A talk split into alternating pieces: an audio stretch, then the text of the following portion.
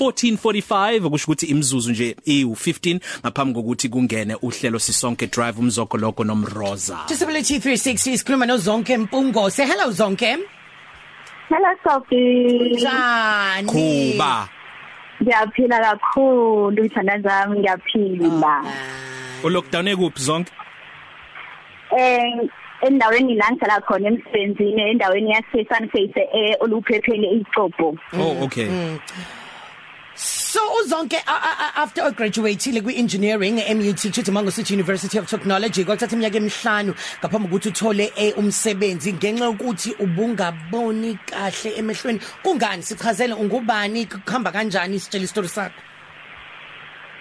Em ngizoqala ngibonge ithuba engilithiwa umsakazo uCause FM. shine bese ngibingelela ubuthi siyane selfie nabalaleli bokhozi bo FM nomphakathi wonke wasekhaya kithi endaweni yasezweni emthunzini uzonke ke indaba yakhe isemthunzini la khulele khona ndawonke amabanga ufunda phansi wase yofunda ke ngobuso uself ukuthi emangosi singaqeda khona ngawuhlala lo 5 years ngiyathuka ukuthi sakhumbula ngiself eh ngafunda khona ke ngaqeda ngathi mase ngibheka amathuba omsebenzi akubanga lula kwaba khona izinto ezaba khona.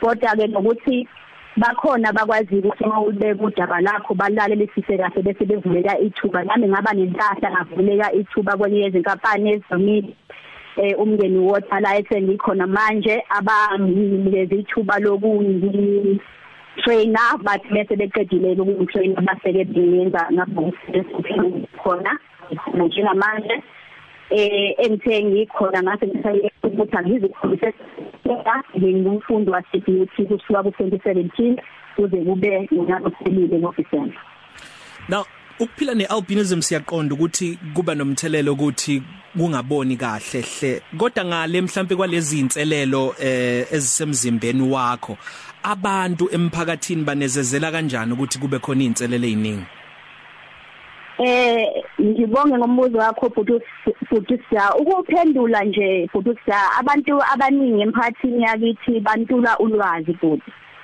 eh abazi kuqumezeli ngokuzifundisa izinto ezithile ezisuke zenzakala empilweni zabo.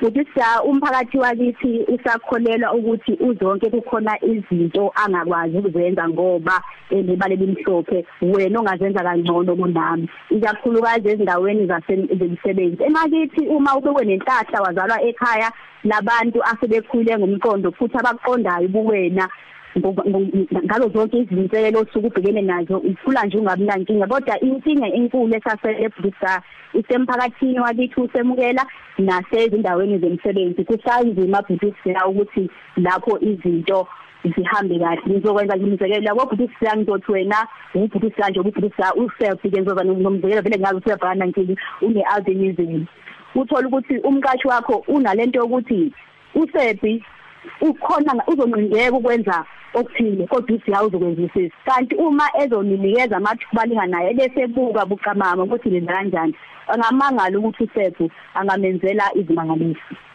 Kuneyinkolelo okay qhubeka qhubeka. Sorry kuba Okay bese kuzothi futhi siya ngoba sikhule sisingabantu abanebali mhlophe siyakhula nathi emphakathini.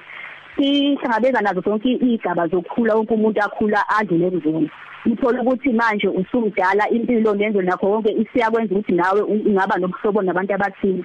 Uthola ukuthi uma uba naleyo ndlahla leyo awemulekeleki lemndeni osuke isisi ukuthi nobuhlobo nawe ngoba abantu kuwena bakulamanisa nehlazo Mm mm. Ukuthi understand uma ngibeka ngalolu hlobo lolu ukuthi ngizwa kahle yeah yeah. Kuneyinkoleloze zonke ezikhona zokuthi umuntu unebalela imhlophe akashoni ancwatshwe uyaduka.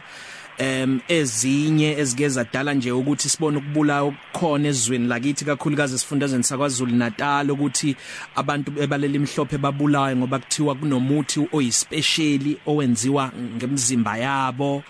Mangathiwa nje uyakwazi ukuyishintsha ezinye zalezi zinto uyishintshe nje kuthiwa khona into indlela yokuthi uyishintshe ezinye zazo ufundise abantu mawungakwazi ungashintshana? Yuma iluhlungu futhi ilikhuni futhi usale oyithinta njengamanje? Ngoba nawe umuntu osuke uphila nebali limhlophe ikwenza ukuthi ungakhululeki.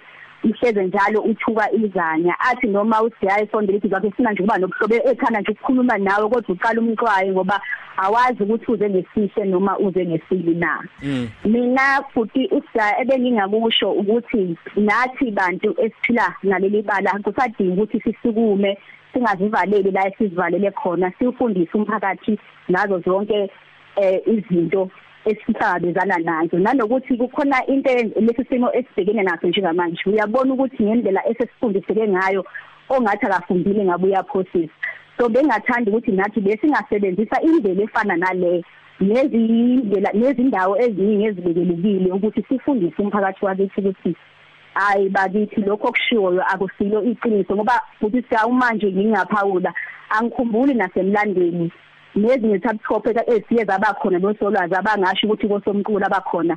Kukhona ngempela la kubhaliwe ukuthi isicubu ingabe somuntu nebaleni isophe engabe sesilwane engabe sesihlahla waphela kuye umuntu kuphela ukuthi ungakwazi ukwenza umuthi ngaye noma uwenze ini ngaye. Bengasho nje ukuthi hayi kusadinga ukuthi sibhukule sime ngezinyawo zombili sifundise umphakathi wakithi. Ngakho konke futhi siya Sibonga kakhulu ukuxoxa nawe ukuqwashisa umphakathi nokuzwa nje okusenhlizweni yakho zonke empongose dadewethu. uNkulunkulu akubusise we- ufundile uhlakaniphile Yes, izinto zizokwenzeka nje ngohlelo uNkulunkulu ahlele ngalo sengazi ukuthi ungaba isibonelo ngisho nakwabanye abaningi. Ngithanda nje ukuthi umuntu oqhuquzelekile onofuqufuqu ongavumelanga isimo sakho ukuthi simenze ayibukele phansi ayithele ngabandayo. Siyabonga kakhulu dadewethu. sikufisela kuba ngamina kakhulu Nomshado. angiba selfie angiba nomshado nomshado I receive it in Jesus name Nomshado, yebo Top 3 Cafe. Ilunch yakho ayifani neyizolo.